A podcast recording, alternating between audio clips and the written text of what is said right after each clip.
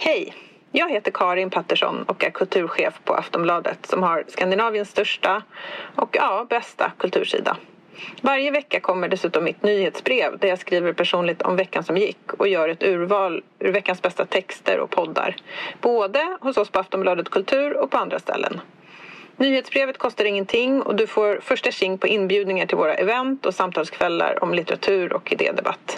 Gå in på aftonbladet.se kulturbrevet och bli prenumerant. Hej då! Nej, men Men vi kanske är- ska vara transparenta. Vi, li- vi har fått en tidsbegränsning för första gången. Ja. Precis, exakt. Och då blir det så stressigt så att hinna säga klart vissa grejer och Ett vidrigt sätt att vara, här, att vara skön på. Ja men precis. Det känns som att eh, det som är liksom själva den här podden, som är att vi har det trevligt när vi pratar, har försvunnit. Nej, skämt. Hallå? Okej. Ja. Ja, okej. Jag kommer säga till dig 20 i 10 bara. Okej, vi Då- Då har du bra. en halvtimme.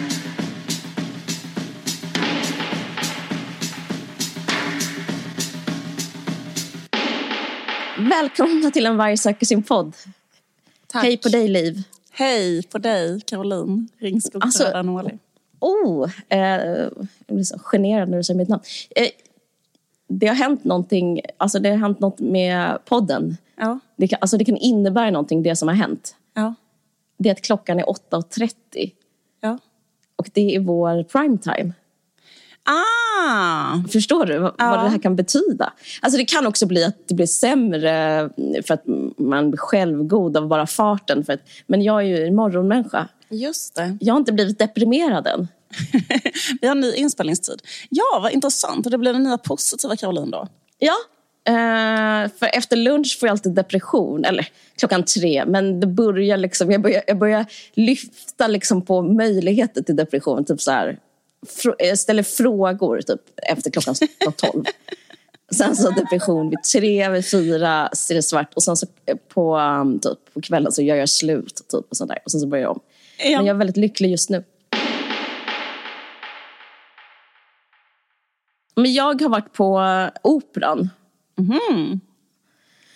Och såg Melancholia eh, av Lars von Trier adapteras på Kungliga Operan i Stockholm. Okej. Eh, den har fått otroliga recensioner. Eh, Ann-Sofie von Otter, en, eh, en, en eh, stjärna, en mm. operadiva av rang. Eh, numera också känd för att eh, vara Benny Fredrikssons änka. Eh, spelade morsan till hon som spelar Kirsten Dunst, som spelas av Kirsten Dunst i filmen. Ja, jag har faktiskt inte sett den här filmen, men jag vet vad den handlar om. Handlar den om att den ska komma en meteor?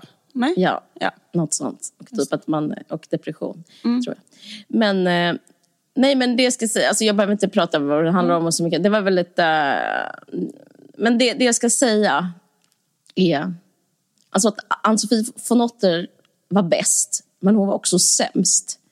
Och hon var inte sämst, det, beror inte, det är inte hennes fel. Det är eh, svenskars, svenska teatermakares förkärlek för att vara busigt rockiga på scen. Ja. Ehm, för grejen med teater är att det är en fruktansvärd konstform. Det är typ det värsta man kan... Hear me out. Jag ska, hear me out. Det är det värsta man kan ägna sig åt och det värsta man kan konsumera. Om det inte är bra, då är det jättebra såklart. Men om det är dåligt så är det det värsta som finns. Det är så fucking pinsamt. Eh, men, och, och jag, vill, jag känner att jag är här... Det jag tänkte göra nu det är bara liksom ge tips till alla som håller på med teater. Så, så teater kan bli bra igen. Ja. Eh, och det är um, den här grejen att um, det de har skrivit i librettot, för det här var ju opera, det är att skriva in så här, um, fuck you. Att, att Ann-Sofie von Otter skriker på, eller opera sjunger, eller opera skriker sjunger fuck you, fuck you. Du vet sådär, fast jättehögt.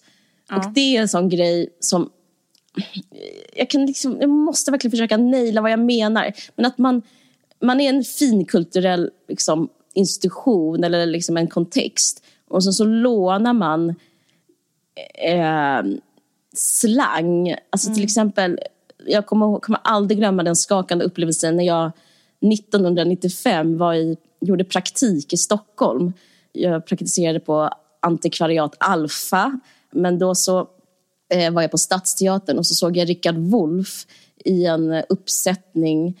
Det var den här Svärdet i stenen, fast den hette Merlin. Och då var det liksom också estetiken, alltså formen var jättemycket läder, distade elgitarrer. Mm -hmm. typ, som folk står på typ en, liksom olika såna här um, äppellådor. Eller så upp, och så gör så här, Och sen så är det någon som säger taggtråd och så säger någon så här eh, Sug min kuk! Typ så. och så är det är alla publiken eh, är liksom... jättes, och vit, vithåriga, rynkiga. Med kappor och rockar. Liksom. Av riktigt bra ull. Av riktigt bra ull. Och då är det typ att de känner sig... Alltså typ, att det är som att de tror att de har sett något från något street. Att det här är street. Och samma, samma, samma med operan, att det var så street, trodde de när Ann-Sofie von Otter skrev fuck you till, till den här um, publiken i vitt hår och kashmir. Uh, alltså som satt de där röda sammetsfåtöljerna på Kungliga Operan i Stockholm. Och att det är någon sån Eh, jag tycker det är, någon sån påhittad sadomasochistisk relation som, men som, som är fejk. Det mm. är inte sadomasochistiskt för de på scenen vill inte förnedra publiken och publiken blir inte förnedrad för det är, liksom, det är ingen så det är ingen sån Yasin-figur som på riktigt säger fuck you till gamla eller, eller vad det är de liksom vill göra eller det de vill mm. känna liksom, att de varit med om gängvåld eller vad det är. Ja. Men det här kan vara på olika sätt. Alltså det kan också vara eh, bara så och det kan liksom vara små eh, nyanser liksom, bara för att hur en, vad som gör en teater dålig och vad som gör en teater bra. Och jag ska bara sammanfatta det. Till exempel att skrika repliker. Mm. Det är jättevanligt. Mm. Det, tror, det är sån teater i min uppfattning. Alltså på Dramaten också. Alltså folk tror att, att skrika något betyder att det är kvalitet. Eller att det är mm. äkta kanske. Uh, och sen så, men grejen så mitt tips är bara eh, till regissörer och skådisar att liksom ta ner det, att bara prata replikerna istället.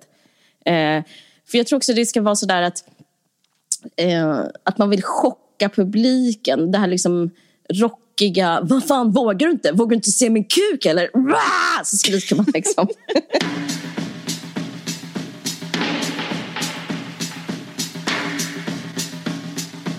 Next story, next story, next story, next story, next story. Det är vår eh, trogna sponsor som fortsätter att göra den här podden möjlig. Ja, och vi har två olika erbjudanden till våra lyssnare. Mm. Till exempel så får nya kunder möjlighet att prova Nextory gratis i sex veckor. Man går in på länken nextory.com varg45 och så signar man upp sig för att ta del av det erbjudandet. Just det, men alltså, om man har varit kund tidigare, man kanske har varit Nextory-kund och sen så sagt upp sitt abonnemang, då kan man eh, få en rabatt Eh, så man betalar bara 79 kronor i månaden i tre månader. Och då ska man gå in på länken nextory.com varg79. Ja, och som vanligt har vi... Alltså vad är Nextory för någonting ifall någon har det här för första gången? Det är ett eh, litet bibliotek som du hela tiden kan ha med dig i din ficka. Ja, det är helt sant. Bara ta fram det. Om du vill lyssna på en ljudbok eller läsa en e-bok eh, och ha tillgång till mobil och hörlurar så är den här världen din att dyka ner i. Och eh, till exempel så finns det en bok ehm, eh, just nu som jag blivit sugen på ehm, av Dag Solstad. Mm. De hade till och med två böcker såg jag av honom som är liksom hans två så liksom, kändaste verk eller så kanske mm. de som anses vara eh, hans kanske då bästa böcker. Vi ska se. De heter någonting som är lite krångligt. Den första Heter- boken heter Ja. Elfte romanen, artonde boken. Och den andra heter Sjuttonde romanen. Men det är två böcker som liksom finns i en specialutgåva tillsammans. Eh, och de, eh, de handlar om en, eh, en, eh, en man eh, som heter Björn Hansen och eh, hans liv. Dag Solstad är en helt otrolig författare. Och det är ett varmt tips. Man bara börjar läsa och blir totalt insugen. Och, ehm, Ja. eh, det här är liksom hans... Eh, eh, ja, men, eh, enligt kritiker så är det här en av hans bästa eh, eh, vad heter det, böcker. Den som finns. Ja, men precis. Och det, är liksom, det finns ju någon sån Norge-craze just nu. Jag, jag tror bara det har att göra med att eh, det, Norge är så rikt så därför kan liksom även författare må bra i ett eh, sånt land. Men eh, alltså, precis, vi hade ju Fosse som vann Nobelpriset men eh, vissa, liksom, det finns lite mummel om att Dag Solstad skulle vinna det. Så liksom, det är på den nivån av kvalitet. Alltså, det, det är Han har ju fett, fett att gå in i rådets det. pris till exempel. Som ju Ja. är ett liknande prestige, extremt prestigefyllt pris. Mm. Så, och sen så när man är klar med den så finns det ju faktiskt, uh, fortsätter den här, det är en trilogi om Björn Hansen. Och eh, den sista heter Tredje och sista romanen om Björn Hansen. Så det är, ja, men det är två heta tips. Och ja, gratis eller för 79 spänn, det är otroligt eh, värt det skulle jag säga. Så gå in på nextory.com snedstreck varg45 om du är en ny kund. Om du har varit kund sedan tidigare och vill signa upp dig igen så går du in på snedstreck varg79 och betalar då bara 79 kronor i månaden i tre månader. Tack. Och jag skulle bara tipsa om man är sugen mer på typ lättläst eller något annat kortare format så finns det nu även magasin och tidningar. Och det är exakt samma mm, plats. Man får tillgång till dem också. Underbart. tack så jättemycket för det här samarbetet Nextory. Tack Nextory. Jag har varit och kollat på Madonna. I, Fy fan vad fett! ja, eh, I Köpenhamn när hon var där. Men nu har hon också varit i Stockholm, eller hur? Ja. Ja. Jag har inte sett henne men jag är extremt imponerad. ja. Eh, det var hennes eh, turné, Celebration Tour. Och eh, eh, vad heter det? Hon är ju 65. Ja. Och det var liksom som en väldigt så här, bjussig, kan man säga, så här, ja, men typ verkligen vad fansen vill ha. Liksom en tillbakablick över hela hennes liv och spela alla liksom, hitlåtarna. Alltså det var verkligen inte Bob Dylan om man säger så. Bob Dylan som går dit och sjunger bara kanske några låtar från sin senaste platta omgjort till en ny version. Men hon hade en sån väldigt bjussig så här Eh, ja, det, det spelar inte så stor roll. Men eh, jag eh, bara funderar lite grann på Madonna som, eh, som person och på hennes liv och sådär. Liksom, vem hon är. Mm. Eh, jag var ju ett otroligt stort Madonna-fan när jag var barn. Så det var liksom därför jag gick och kollade på henne nu. Liksom, att Det var så min absolut största idol från jag var jag vet inte, 8, 9 till eh, 13 kanske. Mm. Och eh, lyssnat liksom otroligt mycket på hennes skivor. Och så vidare. Under de skivorna som kom där på 80-talet. Nej, men jag, liksom, det är väl en, sån, en av de få artisterna där jag typ haft så alla skivor som någonsin har kommit ut. Alltså typ att jag har lyckats liksom, komma över det trots att barn helt utan ekonomiska medel. Det kanske kommer över någon sån back på typ Bengans skivor eller något sånt där. Du vet man kunde köpa så LP en, med alla. Så liksom, liksom, och sen hade man så lite skivor. Som liksom, liksom på, jag vet inte, men du vet hur många gånger jag har lyssnat på albumet True Blue. Kanske så 900 gånger. Eller du vet. Eh, och eh, jag hade också video, alltså videokassetten The Immaculate Collection. Med videos. Ehm, men, och sen så det att man, eh, jag vet inte om du gjorde det här också, men jag gjorde under hela min barndom så typ att man gick hem från skolan och eh, satte på musik och dansade själv i vardagsrummet i flera timmar. det var liksom så här en grej, man liksom flyttade undan eh, möbler Ja. och bara Ja. satte på musik och dansade typ i Ja. Eh, det gjorde jag liksom så här fram tills jag var 18 år, typ, under hela min barndom. Så mysigt. Ja, väldigt mysigt. Jag saknar det. Jag vill göra det nu också, men jag har så lite plats i min lägenhet. Hur som helst. Um, jag gör det med mina döttrar, men då känner jag alltid att jag ser mig själv utifrån, att det är en för härlig scen. Och då känns det som jag fejkar fast det är på riktigt. Så jag blir ja. helt psykad när jag har såna Alltså typ, jag, nu på höstlovet buggade jag mina döttrar till Manu, Manu Diao. Nej, Manu Chao. Och då kände jag, vi är så underbara, vi är så söta. Vi har, vi är så un, vi har ett så bra, eh, härligt mamma-dotter-liv. Att det kändes liksom som att jag var regisserad. Ja. För, för, för, den, för film, populärkulturen har förstört den äkta känslan. Så när man har den äkta känslan så blir den falsk. Mm. Så jag, typ, jag känner mig helt jag blir helt wack varje gång jag gör det. Men vi, vi dansar väldigt ofta. Men jag känner mig mega falsk och weird när jag gör det. Ja, det är lite som att man har ett... Eh, alltså jag menar, det är någonting med kulturen som gör att man hela tiden har ett yttre öga på sig. Än om det ja. är eh, på grund av sociala medier. Alltså förlåt. Men, Inte eh, bara. Det också, finns ju men som en sån troper. Att när man är en mamma så liksom... Ja exakt, det är en TikTok-mamma-grej. En TikTok-mamma kanske skulle filma det lägga upp. Ja, nej, jag tänker mer på Gilmore Girls, alltså ja. den tropen av typ så eh, man kanske haft en liten, man kanske har haft lite jobbigt och en, en tuff tid men sen så en morgon sätter man bara på en låt och så bara buggar man och skrattar och så behöver man inga män till exempel. Just det, just det, jag fattar. Man är helt så, du är min kavaljer. Mamma, eh, jag vill gifta mig med dig. Så, så dansar man med sina döttrar istället. Ja även den här Mermaids med Cher. Is it in his eyes? Så dansar de i köket de tre, oh, Cher och, och Winona Ryder. Min favoritfilm. Mm. Det är världens bästa film, ja. världens bästa si men Cher är så jävla bra. Cher, jävla bra. faktum till skillnad från Madonna, måste jag ändå säga, även om jag älskar Madonna, så, mm. eller älskade henne som barn väldigt mycket, så är Cher en så jävla otrolig artist och skådis på ett helt annat sätt än vad Madonna faktiskt är ändå, måste man ändå säga. Förlåt. Men Eh, alltså, men vad va, va, va jag skulle säga om... I Mångalen till exempel, i Motorol. Alltså, prata inte med mig om Mångalen. ska inte eftersom vi var 20 minuter. Nej, jag ska.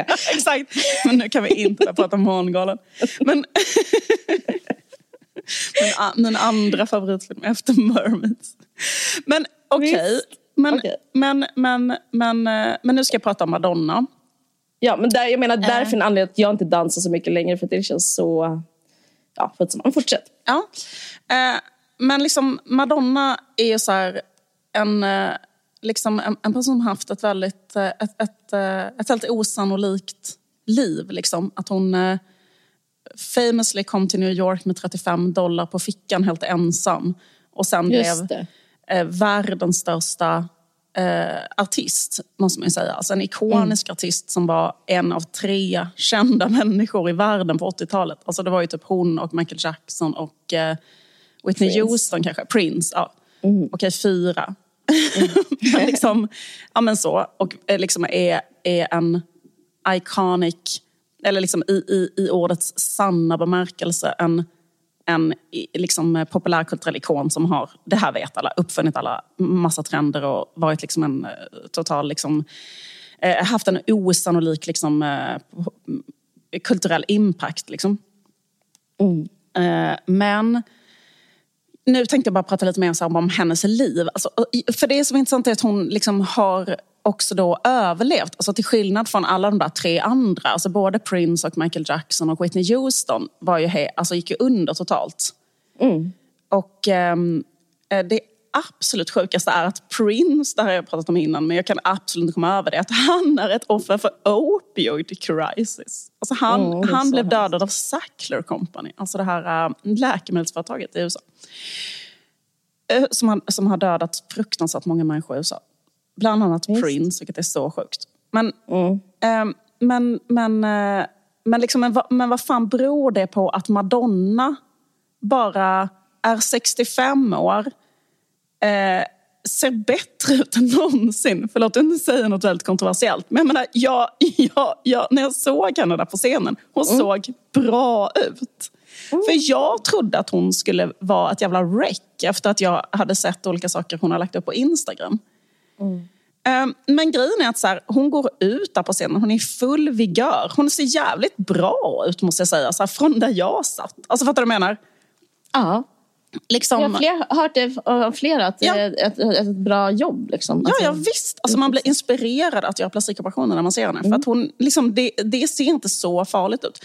Jag tror att så här, de här sakerna som hon själv har filmat och lagt upp på Instagram. Alltså, jag vet inte, det, det är någonting där som att hon, hon, ser mycket, mycket värre ut där än vad hon gör i verkligheten. I verkligheten ser hon bra ut tycker jag. Och hon liksom gör hela den där performancen och, och gör alla dans... Liksom, jag menar dansar, eh, det är en flera timmar lång show. Eh, och liksom eh, är, är, så jävla liksom professionell och bara genomför hela det där jättebra. Och, mm. du vet, ja. Och eh, och liksom, varför är hon så? Och de andra liksom bara knarkade ner sig. Mm. Men det känns liksom som att en så core, eller det jag tänkte prata om lite var liksom att så en, en, en eh, som, som jag bara funderar på alltså, överlag med livet och hur man ska vara och vems sätt att leva som är bra. Så tänk, liksom, liksom, och är hon inspirerande eller inte? Mm. Det är det jag mm. funderar på. Liksom. Men att en, en väldigt så här, eh, central grej i henne och hennes liv och hennes liksom outlook on life upplever jag är liksom kontroll. Mm. Att hon är så en otroligt så kontrollerad person. Mm. Och att, jag undrar om det är, för nu gör en hobbypsykologisk grej, liksom att hennes mamma dog när hon var fem. Och att liksom mm. döden är liksom den ultimata kontrollförlusten på något sätt. Alltså det är så här, mm. Att den grejen blir så här, efter det så blir det så här, Alltså typ om man är med om ett sånt liksom, avgrundstrauma när man är så mm. liten. Så mm. liksom, eh, jag vet inte, men liksom att hennes så sätt att förhålla sig till livet efter det har bara varit disciplin och kontroll. Liksom. Mm. Och att så här, i alla delar så utstrålar hon det tycker jag. Liksom mm. att eh, hon, eh, hon har det i... Eh, alltså, bara hennes eh, träning, hennes kropp eh, är ju så här otroligt, eh, eh liksom en... Eh, eh alltså hon har alltid varit så liksom supervältränad. Jag tycker också det där sättet hon uppträder på, liksom att hon alltid haft som koreograferad dans. Och det är också sån så disciplingrej. Att liksom mm. varje steg, eller så hur det är att träna in dans. Liksom, mm. Alltså koreogra koreografera dans liksom, och att vara en dansare. Det är också en sån typ av personlighet. man är så liksom en, egentligen tycker jag hon är som i sin core en dansare. Typ någon som mm. älskar att träna, träna, träna till ett exakt rörelsemönster som rör sig likadant. Vet, allting är bestämt innan. Hon liksom inte en det är inte en dionysisk person. Det är inte någon som Nej. ballar ur. Fattar du menar? Nej. Det är inte någon som går upp på scenen och freakar lite själv så här, under låtarna. liksom, utan hon, hon är liksom, hon är liksom, hon är liksom håll, hon håller, alltså hon är som en järnhand på sig själv. Mm. Och sen att hon inte dricker alkohol, att hon liksom aldrig har festats typ, upplever jag. Eller Jaha, kan... är det så? Alltså, inte, inte, inte när hon var ung heller eller? Eller så gör hon det nu. För att hon, hon känns... nej men, ja, men jag tror att kanske hon gör det lite, men jag tror, jag, tror, jag, tror, jag, jag bara minns en dokumentär jag såg med henne och Guy Ritchie när de fortfarande var ihop. Ja. Och att Guy hela tiden... Okej, okay, hon kanske festar på vissa sätt, men hon festar inte som eh, hon festar inte på det sättet som Guy Ritchie festar. För då bodde de i England. Hon hade en sån period att de bodde typ på ett gods och hade på sig så engelska lantkläder. Just det. Och, och då var eh, Guy varje dag, så som han är i England, på the pub med sina mates. Så varje dag klockan fyra så typ träffar man sina kompisar och sitter där och dricker så fem pints efter jobbet varje dag. Hur trevligt? Eh, så jävla trevligt. Och då satt han bara där och gaggade, Guy Ritchie med sina kompisar, bla bla bla. Och då var liksom en bild på Madonna när hon var med och att hon bara låg på en, eh, låg på en sån uppstoppad lädersoffa som en sån inredning på en sån bar. Och liksom bara inte drack någonting och, bara, och var så uttråkad så att hon liksom visste inte vad hon skulle göra. Hon bara låg ner där för att hon kan ju inte prata med någon på en pub. Alltså hon kan inte ta en öl. Liksom, hon bara, hon bara tror jag. låg jag tror aldrig där. hon har tagit en öl. Nej, hon har men, men, men, människor, men människor som är så lyckade tar liksom inte öl. Jag tror vissa gör det, men hon gör absolut inte det. Hon, Nej, hon kan inte det sitta... viset. Det är, en Nej. annan, det är inte hennes eh, drug of choice i så fall. Nej, i så fall så tror jag att hon tar en, en eh, ja men typ en... eh, En drink. Ja, eller så tänker jag att hon tar ecstasy eller något sånt där. Alltså, men hon Ja, gör ja, precis. annat. Alltså hon, hon, är mer, hon är mer åt det hållet, absolut. Men, eh, men, och sen tänker jag också på hennes eh, sexliberalism. är också Mm. sådär otroligt liksom, kontrollerad och, och disciplinerad. Liksom, att hon håller Mm. väldigt mycket på med BDSM, alltså Mm. BDSM-praktiker eller att flörta med det eller att visa upp det hela tiden. Som känns Det är ju väldigt kontroll, det är, Ja. väldigt schematiskt. Ja, exakt. En otroligt så här, schematisk sexualitet Mm. som är sådär liksom att eh, det här är, alltså sexet på pappret kanske tar en, en perfekt eh, Jean-Paul Gaultier body av läder som sitter väldigt bra och sen en väldigt dyr choker och en piska och sen, alltså förstår du, alltså så är den sexualiteten väldigt mycket. Mm, verkligen. och liksom, det är inte... Och, också att vara submissive eller att vara dominatrix, men båda de sakerna är... liksom Det är inte sex på det sättet när sex är eh, transgressivt, om du fattar vad jag menar. Eller sex är eh, kontrollförlust då, alltså typ, eller något... Nej, det är inte sånt hippiesex Nej. heller. det Det är inte sånt inte. bara, jag träffade någon i, i åkern och så knullade vi. Jag har fått, jag har fått en könssjukdom och typ är gravid av misstag. Det är ju motsatsen Eller så här, jag glömde hur jag själv såg ut för jag var så kåt. Eller någonting sånt. Utan det är mycket så. Nej, nej, nej, nej. nej. det är ljussatt sex typ.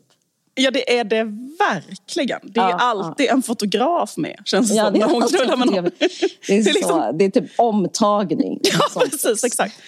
Och det är liksom en... eh, eller liksom så, så, så är hennes eh, output med sex. Eh, vilket egentligen inte riktigt är sex. Alltså fattar du vad jag menar? Alltså i sin essens. Utan, Ja, eh, eller liksom... Det var taskigt mot sådana som... Be- jag tycker visst det kan vara sex. Okej, men Det är så disciplin... hög status att inte ha sånt sex. Men är det så att det sexet finns. också. Absolut, absolut. Men core value är, är alltid kontroll, disciplin. Ja. En annan sak är då arbete. Att allting för henne, eh, hon är en sån otrolig arbetsmyra liksom såklart. Mm. Och det är också därför hon fortfarande eh, gör hela den här helt sjuka showen och, eh, och, eh, och fortfarande har sin... Hon sa en replik så här i, eh, i sin show där hon sa så här, hon visade massa så kontroversiella grejer hon har gjort under sin karriär med alla liksom, ja, men massa sjuka foton och bla bla. Och sen så sa hon så här, but the most controversial thing I've ever done is to stick around. och, eh, och, och, det, eh, och- det tycker jag också på ett sätt är eh, liksom det, det är också en del av det här att älska, eller vara en otrolig arbetshäst och att älska det. Och att offra allt på det altaret. Liksom. Eh, Att bara jobba, jobba, jobba, jobba vidare oavsett, så här, oavsett vad någon säger, oavsett hur gammal man är, oavsett hur... Alltså du vet att hon, också det här med hennes ehm, eh, operationer är ju en sån grej. Liksom att, eh, för det är en sån här otrolig kontrollförlust att, att åldras. Det är en annan sån sak som är liksom helt eh, bisarr egentligen. Att man... ehm, som är väldigt svår därför att man så här, tittar på sitt ansikte och det förändras helt utanför ens egen kontroll. Så man, liksom, man är med om en förändring så att säga mot sin vilja en, en, eh, ja, men lite påminna om så här, när man är i puberteten och sånt vidare. Att kroppen bara ändrar sig helt utan att eh, man själv kan bestämma det alls. Liksom, Just utan det. det, det, bara, det bara blir på ett sätt. Liksom. Fast då blir det ju bättre. Jag vet inte, ja, jag hade inte den upplevelsen. Jag hatar det.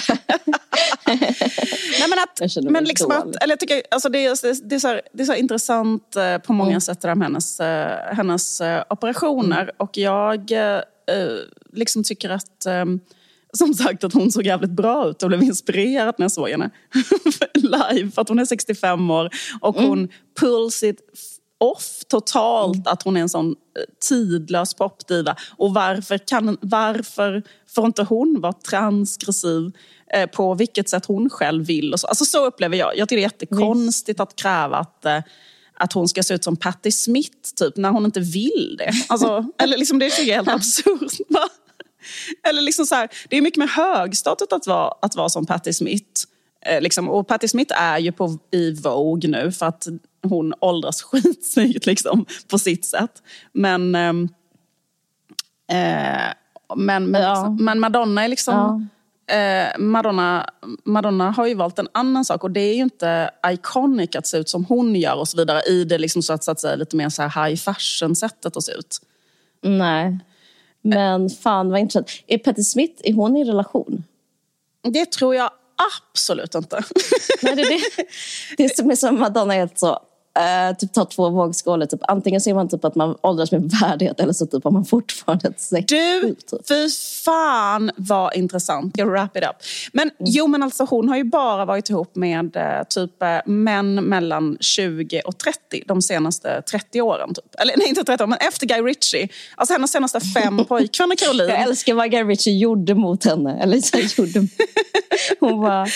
Så, så, okay. oh, ah, det är gud, Guy Ritchie alltså fan vad komisk Men det måste vara svårt med britter alltså. Oh, Gud. Men jag fattar lite vad hon menade när hon blev ihop med honom. Han var ju väldigt hypad då, för han gjorde ju Snatch som var typ en väldigt så cool film när den kom. Sen var ju det, visade sig i efterhand, var hans peak. Och det blev aldrig jo, bra efter det. men vet du, det var lite off uh, target. Om hon hade blivit ihop med Quentin Tarantino hade hon fått vad hon ville. Ja, det hade varit mycket bättre att bli ihop med Quentin Tarantino. Men tror du, förstår du inte, kan, kan man inte tänka sig lite vad hon menar hon blev ihop med Guy Ritchie? Att det var liksom nästan jo, lite queer av henne att bli ihop med, med Tarantino. Förstår du? Hon ja. trodde hon blev ihop med ja, Tarantino ja. men hon blev ihop med en vanlig britt. Absolut. absolut. Absolut. Hon blev verkligen ihop med bara så en kille ifrån England. Men grejen är att jag tror att hon ja, upplevde det som spännande att vara ihop med en sån normig, blond, blond lite så het och alltså typ en lite sån kille som, alltså att hon kunde kanske tycka det var kul i så ett år liksom. Kanske. Men, eh, men, men, hon är i alla fall nu bara ihop med killar som är eh, under 30. Alltså hon är ihop nu med en kille som kanske är 27 och hon är 65. Mm. Eh, liksom en jättesnygg, eh, alltså hon, hon är liksom typ en jättesnygg boxare. Mm. Eh, och eh, innan dess var hon ihop med den här eh, andra killen som var ännu yngre. Han kanske var 23 när de blev ihop. Ja, men du menar att hon har valt liksom... Sex. Om, ja. om, man, om man ställer dem emot varandra. Ja. Istället för värdighet så väljer hon sex. Ja, exakt. Och, mm. och eh, liksom... Um, för då är hon liksom fortfarande fuckable. Sen kan 50 Cent uh, vad heter det, ironisera över hennes typ buttlift. Men liksom den 27-åringen gör inte det. Alltså, ja, verkligen. Nej, men jag tycker det är intressant med den här inifrån och utifrån blicken. För liksom, ja. eh, utifrån blicken är ju så här, Patti Smith gör sig bra i mm. svartvitt. Och typ en sån silverframkallad Vogue-glansig sida. Mm. Absolut. Men eh, Madonna gör inte det. Men hon har liksom mer så ett perspektiv som inte är Alltså hon har inte det yttre ögat utan hon har sagt, vad vill jag? Mm. Vad vill Madonna ha? Mm. Vad behöver Madonna just nu? Mm. Madonna behöver ligga med någon 27-åring mm. och då så måste jag se ut så här för att det ska vara gött. Typ. Absolut. Och då offrar hon sig. Då offrar hon liksom, det, det, den goda smaken.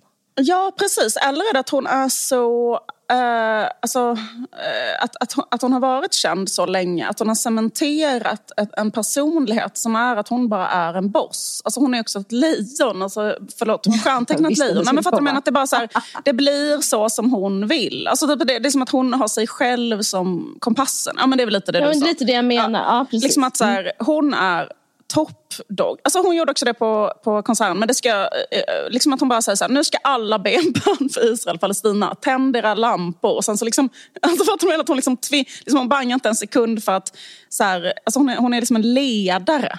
Eh, mm. så. Eh, men, eh, och vilket ju självklart. Men jag skulle bara säga så här, jo men den här grejen med dem att vara då, eh, för, för, för, för jag tänker också den där, då liksom, hur, hur man än ser på det med den här liksom, eh, o, oviljan jag upplever hos henne att eh, ha kontrollförlust, eh, att bli förändrad utan att man själv väljer det. Så som ju är att, eh, att, att liksom, vad ska man säga, ge upp. Att den typen mm. av, av, av, av, liksom, eh, eh, av livsinställning, hon har inte det utan hon har bara det här med kontroll som verktyg. Liksom. Och, eh, och att det kan liksom funka väldigt bra i vissa delar av livet. Alltså det här mm. till exempel med att jobba, att stick around, att strunta i, liksom också att vara kanske då väldigt hälsosam och typ ha en väldigt så fit kropp och sådär. Liksom där funkar det jättebra. Att, vara, att ha de här verktygen, så kontroll och disciplin. Men det finns liksom andra områden i livet där det gör att det inte funkar. Mm. Och eh, ett sånt område är väl så här, relationer med andra människor och kanske framförallt eh, att vara en mamma. Eh, mm. För eh, det tänker jag liksom är en sån grej att ehm, man kan inte bestämma eh, så här till exempel vilka är mina barn och hur ska mina barn bli? Och eh, vad ska mina, hur ska mina barn liksom eh, Alltså vilka människor är de och vad ska de göra? och sådär. Mm. Men hon eh, har ju den inställningen till, till sina barn. Mm eh, och ehm, eh, liksom det, det, är famously, det är väldigt så känt att hon har en mm fruktansvärt disciplinär eh, barnuppfostran.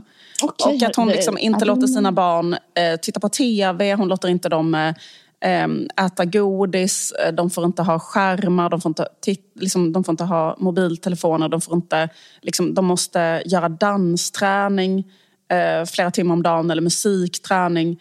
Eh, eh, det var, finns en sån historia om Lourdes, att hon eh, hade slängt en eh, smutsig klädesplagg på golvet när hon var liten och då tog Madonna alla hennes kläder.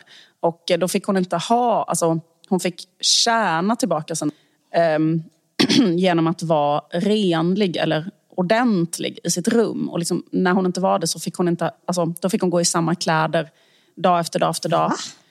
Ända tills hon liksom, du vet, lärde sig att hon inte skulle slänga saker på golvet. Okay. Så liksom, och typ jag hörde en intervju med Lourdes att hon sa så här, hon vill kontrollera mig till 100 procent. Alltså hon vill bara ha total kontroll över mig. Och det typ gjorde att så här, när hon blev 18 så flyttade hon hemifrån och hon har typ inte tagit emot några pengar från Madonna sen dess. Utan hon har så här tjänat ihop pengar själv och bor nu typ i Brooklyn. Och eh, mm. Madonna gjorde rätt alltså? Nej jag skojar. Precis. Och, och ähm, även har hon ju haft famously ett äh, fallout med sin son Rocco som valde att bo med Guy. Äh, men sen har hon ju då liksom adopterat äh, vad heter det, ytterligare fyra barn. Nice. Och det sjuka är Caroline att de barnen är med på scenen. Alla de fyra barnen. Eh, så, eh, jo, och liksom, eftersom jag är sån eh, Madonna-freak så kände jag direkt igen barnen och bara, liksom, alltså, för jag bara, gud, där är David Bannon! så, för att, där är ju Estere. Men alltså, det är så sjukt därför att de barnen bara dyker upp där på scenen. Och, eh, och, eh, och det var så talande det här liksom, att hennes biologiska barn är inte på scenen. För de vill liksom inte riktigt ha med henne att göra kanske på det sättet. Jag tror Lord mm. kanske varit med en gång men hon är också så här, men de andra skulle aldrig göra det. Men de här mm. adopterade barnen är och, och, eh, och typ en gör en pianolåt, hon som heter Mercy, James Anna David Banda har liksom någon, och, och det är så himla, eller liksom, jag vet inte riktigt, det, det, det, blev bara så, det blev så konstigt där tyckte jag. För också att klockan var liksom, jag menar du vet, 11, halv 12 och ett av de, de där minsta barnen är ju typ 11 år. Jag tänker så ska de vara vakna sen, sen ska de vara i Köpenhamn.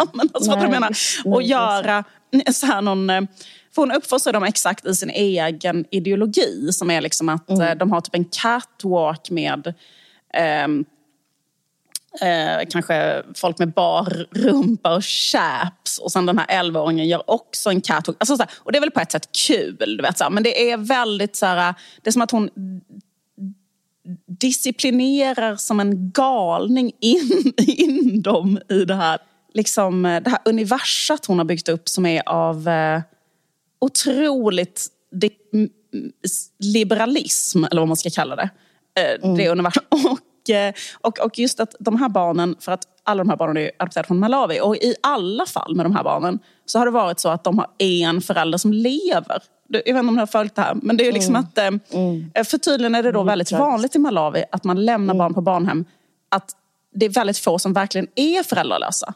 Utan mm. det är väldigt vanligt att man lämnar dem där bara för att man är så fruktansvärt fattig. Så att man mm. typ så lämnar dem där en stund och sen så vill man hämta dem igen.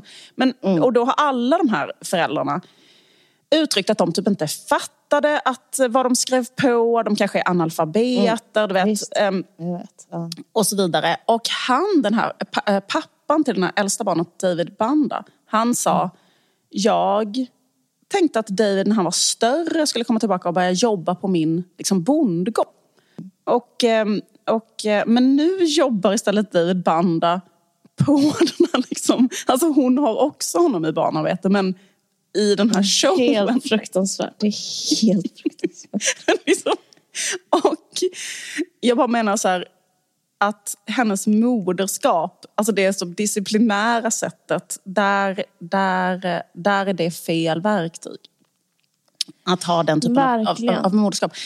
Men jag känner igen det där också lite från att eh, hon, som du inledde med, hon, hon, hon tjatar ju om det narrativet att hon åkte i en taxi med 35 dollar på fickan. Mm. Eh, människor som är så och liksom bygger sig själva som eh, jag kommer från ingenstans och nu är jag här de, de unnar sig också ta ut svängarna, tror jag. Som, som ja. är typ så här att men lite som eh, David Beckhams familj också. Eller liksom folk som är så här, jag hade ingenting och nu när du har någonting så är du skyldig mig allting. Att liksom när hon ger David Banda, heter han så? Mm. Eh, när, när hon ger honom jobb på scen mm. så ser hon ju sig själv i den där taxin. Om ja. hon bara hade fått jobb på scen. Därför, liksom, därför kommer hon aldrig förstå att det inte är godhet det hon håller på med. Nej. Hon kommer bara eh, se, se det som en del av ett eh, krona på verket, eh, liksom, eh, liksom lifetime achievement-projekt. Ja. Så, så, ja, och då, ja, då, så, så länge hon tycker hon är god så är det liksom kört. Så jävla sjukt. Alltså hon, hon tycker nog hon ger honom det här. Ja men absolut. Hon... Men det är också liksom för att... Oh, oh, nu är din tid över. Ja. I'm zipping it.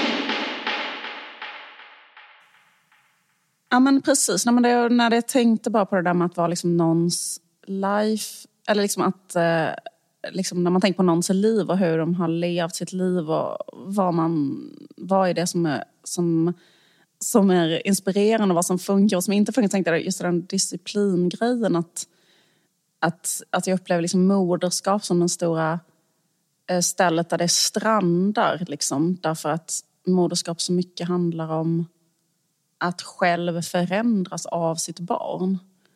Och eh, liksom, om man inte gör det, om man liksom inte tillåter den kontrollförlusten så funkar inte liksom, moderskap. Och det tyckte jag var väldigt intressant. För då mm. blir moderskap det som hon visade upp där på scenen. Och det, det, det var inte fint. Liksom. Nej, hon är typ som Jackson Fives farsa. ja, men om han hade så köpt dem från deras riktiga föräldrar.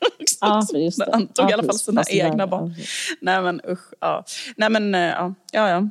Mm. Du vet det här med pick me girls? Mm. Jag hörde det uttrycket igår användas seriöst. Men fortsätt. Ja, jag, jag har också umgåtts med människor som använder det seriöst. jag blev helt chockad. Det var en yngre människa som sa det. Ja. Vad sa du? Det var det. Var, var det en yngre som sa det? Eh, ja, en, eh, hon kanske är 27. Ja, mm. för att jag har, eh, jag har vissa yngre vänner och människor mm. i min närhet. Mm. Och då så liksom, är det liksom som att det är etablerat ja, nu. Att det ja. är så här, eh, typ, eh, jag, typ någon som bara, men jag blir bara kär i pick me girls eller jag gillar pick me girls eller whatever. Att man, om man ska försöka, folk håller på att försöka definiera vad en pick me girl är. Eller det här är min spaning. Så här, pick me girls är ju... Um, hur skulle du kunna beskriva, ska, kan du beskriva det på... Skoja. Ja men typ en tjej som säger att hon gillar Welbeck. Ja. och... Uh, ja. Alltså eh, det handlar ju om att bli picked av ja, männen. Exakt, precis, exakt. Typ så här, jag, till exempel att eh, göra sånt som egentligen inte är kul Men man gör det för att man ska vara okomplicerat en av grabbarna så att det inte ska finnas någon friktion för en grabb att, att ta en, Ja. så att säga. Ja. Att bli, men grejen är, men det, men det är mycket snack om det här med pick me girls. Och eh, en sak som är rätt så kul med pick me girls, när, det finns ju liksom ett, själva pick me girls, nu är det metanivå på det här, men själva pick me girls, snacket om pick me girls är ju alltså andra tjejer och kanske i viss mån killar säger jättegärna vad som är en pick me girl om någon gör något. Eh, till exempel skulle vi kunna säga att när Madonna var på puben så var hon en pick me girl. Men det var hon fan inte på, på den puben. Efter Nej, hon var inte. En pick Hon me girl hade ju... ehm, Hon är ingen pick me girl. nej, hon är absolut inte det. Nej, hon är verkligen Nej. inte det. Hon är Men absolut däremot så, så kom det en... En det pick me sån- girl är som hon, den här tjejen i ett avsnitt av Sex and the City när Carrie, eh, vad heter det, när, A- när Carrie har varit otrogen mot Aidan och Aidan stannar kvar jättelänge på en bar med en kvinnlig bartender som leker en lek där de kastar jordnötter i munnen på varandra. Det är för mig en pick, pick me girl, den tjejen. Ja, Nu måste man ha riktigt det för mig. encyklopedisk En, kunskap om Sex and the City för oss.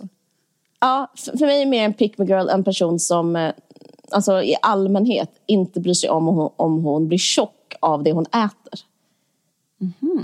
Är det inte Typ bara att man att- låtsas att man inte bryr sig? Jo, precis. Men det är det jag menar. Att Ja. Någon som är så här... Men man är ju inte absolut, en pick me girl är inte Wow! genuin. Inte. Någon, någon som, en kille säger, någon som vill ha pizza och bara, jag älskar pizza, särskilt med kebabsås Mm. på. För det är äckligt, man blir tjock, men killar älskar det.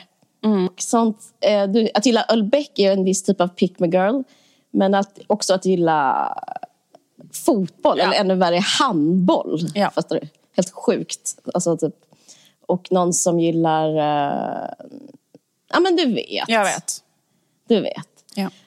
Men eh, det roliga är att det, den, i den här diskussionen om pick me girls, vad som Mm. är pick me girls, så när man andra... Gilla, kanske för att vara intresserad av första världskriget.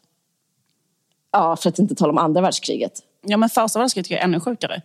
Andra världskriget är ju ändå rätt så intressant, men första världskriget är helt sinnessjukt att vara intresserad av. Alltså, Alltså- jag tycker att, ro, att den typ, mest typiska pick me girlen är en som eh, spanar själv som Palmespanare. Absolut. Alltså en som så här, har ett eget, mitt egna spår om vad som hände på Sveavägen. Typ. Mm. Det tycker jag är, det är så pick me girl. Spela tv-spel. Ja, men absolut. Fast, absolut, absolut. Ja, men det finns jättemycket. Jag måste snabba mig för att hinna. För grejen med Pick Me Girls, jag, jag har liksom kritik mot kritiken av Pick Me Girls. Jag tar den snabbt. Och det är att ska tjejer inte få ha kul? Det är min största kritik. Till exempel skulle man kunna säga att jag gillar Gudfadern är en Pick Me Girl. Men då känner jag, ska jag inte få se på en bra film? Förstår du? Men absolut, hela det begreppet är helt sinnessjukt. Det har jag alltid tyckt. Det var därför jag blev, Ja, det var därför jag vi blev hinner så inte gå in på förvånad. det. Nej, precis. Okej, ja. Caroline, bara... Men, men och samma med Åh, hur ska Bob jag Dylan. få bort den här stressen? Nej, men, det, men det bara, nu har vi bara tio minuter. Jag har inte ens börjat Ja, resonemanget. okej. Men i alla fall, men, men att gilla Bob Dylan, det är liksom, ska inte jag få gilla en bra artist? Nej. Alltså det är sexism i grunden, men nu ska jag försöka säga det. Och i den här sexistiska läkt, läktar, man sitter på en läktare och säger så här, på Twitter, så säger man så här, det där är pick me girl, det där är pick me girl, det där är pick me girl. Eller man säger det till andra killar om andra tjejer, det där är pick me girl. Eller man säger till andra tjejer. Så finns det en jätterolig missuppfattning som, har, som jag tycker är så loll. Och det är det här blev jag uppmärksammad på. Att eh, många som anklagar folk för att vara pick me girl eh, egentligen bara att de ha- hatar arbetarklassen. Till exempel om man är så, åh, att nå- någon tjej säger att de äter falukorv och då är andra så, åh, pick me girl. Men det är bara för att hon är arbetarklass och alltid ätit falukorv. Ja, det är en jävligt rolig spaning. och, och, och någon, för det började med att Sara Berg, hon är en journalist på Sydsvenskan, hon skrev, det började med en tweet som var så här på Twitter i mars. Eh, att det var pick me girl att gå på sunkhak. Men, det kan, men, det, men det är också Att bara ha lite sämre ekonomi. fatt, ett, fattiga människor, ett sätt för fattiga människor att dricka. Absolut. Och, eh, och att killar, varför vill alla killar gå på... Eh, varför älskar alla killar sunkak? Det är ju för att de flesta killar är liksom inte Alex Schulman eller de flesta killar är inte rika och de flesta ki- unga killar som är ute är ju studenter. Visst. Alltså, det är inte för att de och, och, sen så, och tjejerna som hänger med dem är inte pick me girls. För att de, det handlar liksom om att det finns ett jättestort segment i samhället som inte har råd att gå på Sturehof. Visst. Men, Ja, men, så, eh, ja, men exakt, det är väldigt sådär att, att det är pick me girl att titta på tips extra. På, Ja. eh, så här. Men det är också en kneg, knegig grej. Ja, men precis. Och man säger, och det som har blivit det, finns en, i den här diskursen, meta ko- kommenterandet av Pick Me Girls. Det är som alltid, det är som vi håller på, det är svårt att ringa in. Men ofta hamnar man i den här grejen som att allting som är typ så, åh, ehm, att dricka öl, att äta pizza, att äta snabbmat. Och äta på McDonalds, se på typ, eh, till exempel det här som jag sa i början av vårt samtal. Att man säger att, att gilla vänner, att ge- att gilla tv-serien Vänner, för den är så keff då. Att det är pick me girl, men det är också arbetarklass. Eller att gilla reality-tv, det är pick me girl, men det är också arbetarklass. Så det är rätt så... eh, nej men det, det är rätt så kul. Eh, Ja, men det är kul ja, precis, att de som hela tiden skriker att folk är pick me girls, att de bara liksom inte de är bara klasshatare. De är bara medelklass som hatar arbetarklassen. Därför tycker jag det var bra exempel som du hade med Ölbeck. För att eh, det är riktig pick me girl. Eh, fast jag tycker mer att gilla Kalle Anka är också pick me girl. Förstår du vad jag menar? Åh, gud. Visst. Eller, eller eh, så här, eh, Tintin. Eller Asterix. Alltså inte Kalle Anka, utan eller bara ta vi- av Kalle Anka. Från min seriekonnässör-grej fram. Jag Ehm. älskar Asterix. Men, men eh, det har inte hit att vad, vad jag... Nej, men, Men- men, men, men, men folk som kallar andra eh, tjejer för pick me girls, förlåt, det här är också Mm. taskigt att säga, men är inte det också att de är avundsjuka? Because they can't get a man, eller? Alltså, de fattar inte hur man raggar, eller? Du tänker, eh, ingen aning. Det jag, jag Jo, men att de det, säger så här... eh, Ja, hon beter sig så, därför får hon en kille. Och så sitter de surt avundsjukt och stirrar på henne. Varför får hon alla killar? Genom att bara säga de där grejerna. Man bara, men det, det är... Mm. Det är inte att- därför hon får dem. Jo, jo, men så här, det kan det ju vara, men det är väl ett sätt att få någon i säng att typ säga att man gillar The Clash. Alltså fattar du inte vad jag menar? Alltså, jag menar men, men Ja. bara använd det. Alltså, varför, varför får vi inte använda det? Eller vad fan är problemet? Ja, men visst. Eller menar, gör det Ja, själv visst. då. Eller ska du sitta där och prata om Barbie hela... Eh, alltså dina egna Barbie-dockor, eller vad menar du? Ja, eller precis. Nej, nej, nej. nej men grejen med Pick Me Girl är, ju också att eh, eh, det, det, det är sjukt att mannen ska vara ett neutrum. Och det, alltså jag tycker att, att prata om Pick Me Girl är att konservera alltså det, objekt, det objektiva Ja. neutrummet och, och göra kvinnan till något som ska prestera och som hela tiden kan underprestera, överprestera. Prestera, ska man säga, en, en slags moderniserad sexism som är att eh, man objektifierar kvinnor och liksom gör dem till eh, att de hela tiden kan lyckas och misslyckas och det finns en domare och det är mannen. Men mannen orkar inte ens döma så därför finns det andra utsända fotsoldater som är andra kvinnor. Dock, ska sägas, man får hata kvinnor. Så det är också okej, man får hata kvinnor. Men det är ett kvinnohat. Men, men, men eh, ja. Så Men får jag säga det- en eh, Ja.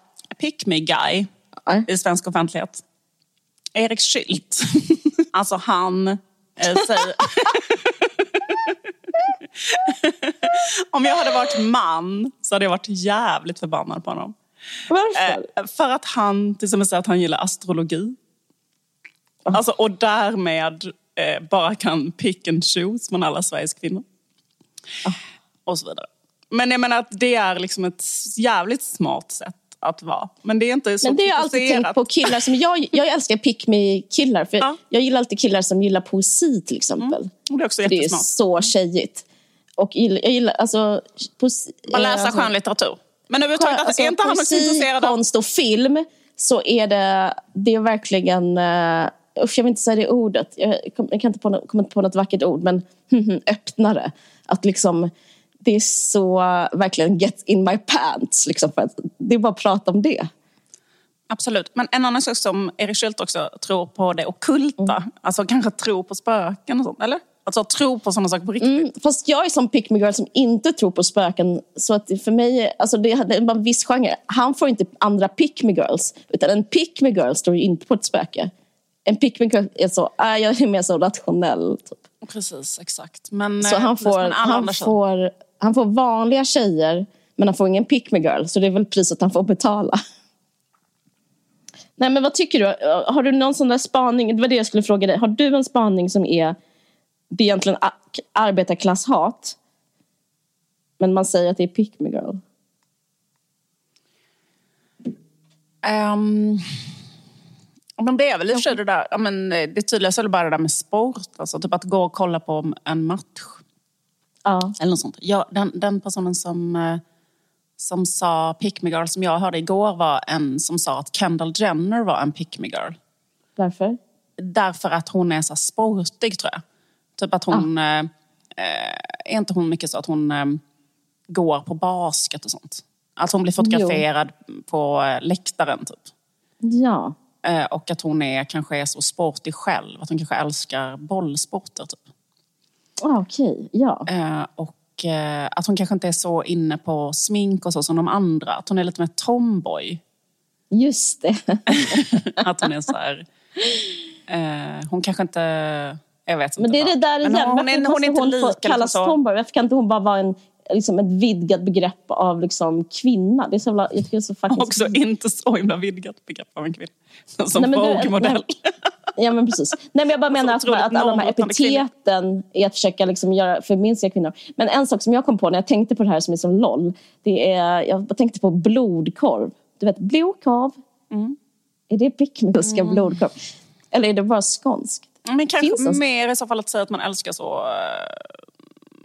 Finns en kategori killar som gillar så surströmming och sill och alltså sådana slags saker. Alltså det kanske är ja. lite pick me girl att gilla så... Mm, inälvsmat. Men jag minns det, för, för jag, för, men, men jag tror inte, jag tror, för jag har det från, som minne från min barndom att typ så att äta blue, blue Har du ätit, vet du vad det är? Eh, jag, alltså, jag var ju vegetarian när jag var liten men jag vet ju att det fanns ju, så här, i skolbespisningen och sånt men jag har aldrig ätit det. Men jag funderar på om det finns en tredje kategori som är bara är det arbetarklass, är det pick me girl eller är det bara skånskt? Och då är det typ att man... Ja, fast jag har inga fler exempel. Ja, nej men, att det bara är en skånsk tjej. Mm. Ja, nej men surströmming är det. Jag vet att Sandra Beijer typ, ja, men typ inte... Alltså att äta kebab. Håller inte Sandra Beijer på väldigt mycket med att hon äter korv? Jo, hon äter alltså, korv. Äh, att hon liksom, och det upplever faktiskt... Det är pick girl i hennes fall. Det är det faktiskt. Det, det, är väl, det är väl liksom en sån grej som Johan Persson gör ju också, det är Liberalerna hela tiden. Att han håller på med De det, han tar en stödkorv. Just um, det. Och, och Ulf Kristersson missförstod att det var pick me girls och han åt på McDonalds nuggets. Det var så kul. Precis. Det finns ju bilder på det. Men och liksom, drack öl. Eh, ja men, att vara, ja men exakt, men, att, ja, men det, det är väl lite så att så här, jag kan eh, men det var ju ett live arbetarklass. Det ja, det var, ju, alltså, det var ju för att försöka verka lite så vanlig. Ja, det, liksom. be, det bevisar ju hela den här tesen att det mm. stämmer. Alltså skärningspunkten, Sandra Beijer, Johan Persson, ragga röster. Jag missuppfattat. Alltså Johan Persson gjorde rätt. Mm. Det var att ragga röster hos arbetarklassen. Men hon... Väldigt så, eh, men det är väl också det där att man, att man som pick me girl, det som är svårt är liksom att man måste vara jätte, jätte, jättesmal samtidigt. Mm och Visst. samtidigt äta hela tiden sådana saker. Men det är mm. att bara äta så en sån korv om dagen, då... då eh. jag tror att man äter, om man äter små portioner, ja, små alltså portioner. tips till andra pick girls, att man äter små portioner av dålig mat så mm. tror man klarar sig.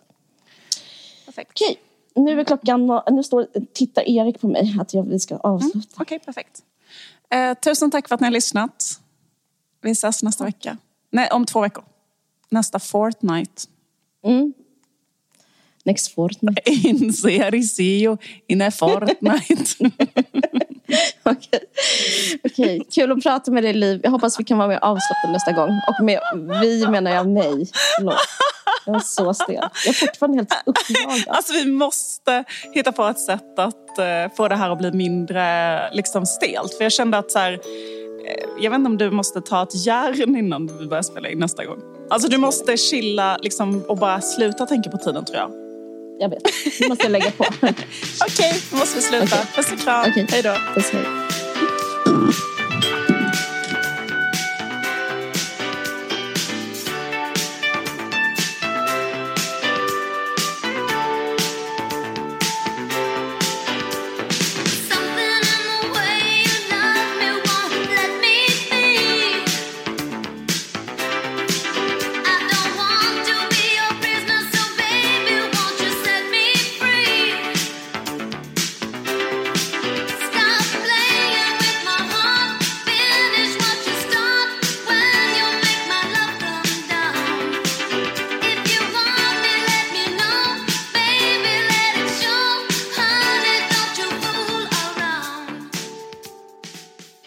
Lyssnat på en podcast från Aftonbladet. Ansvarig utgivare är Lena K Samuelsson.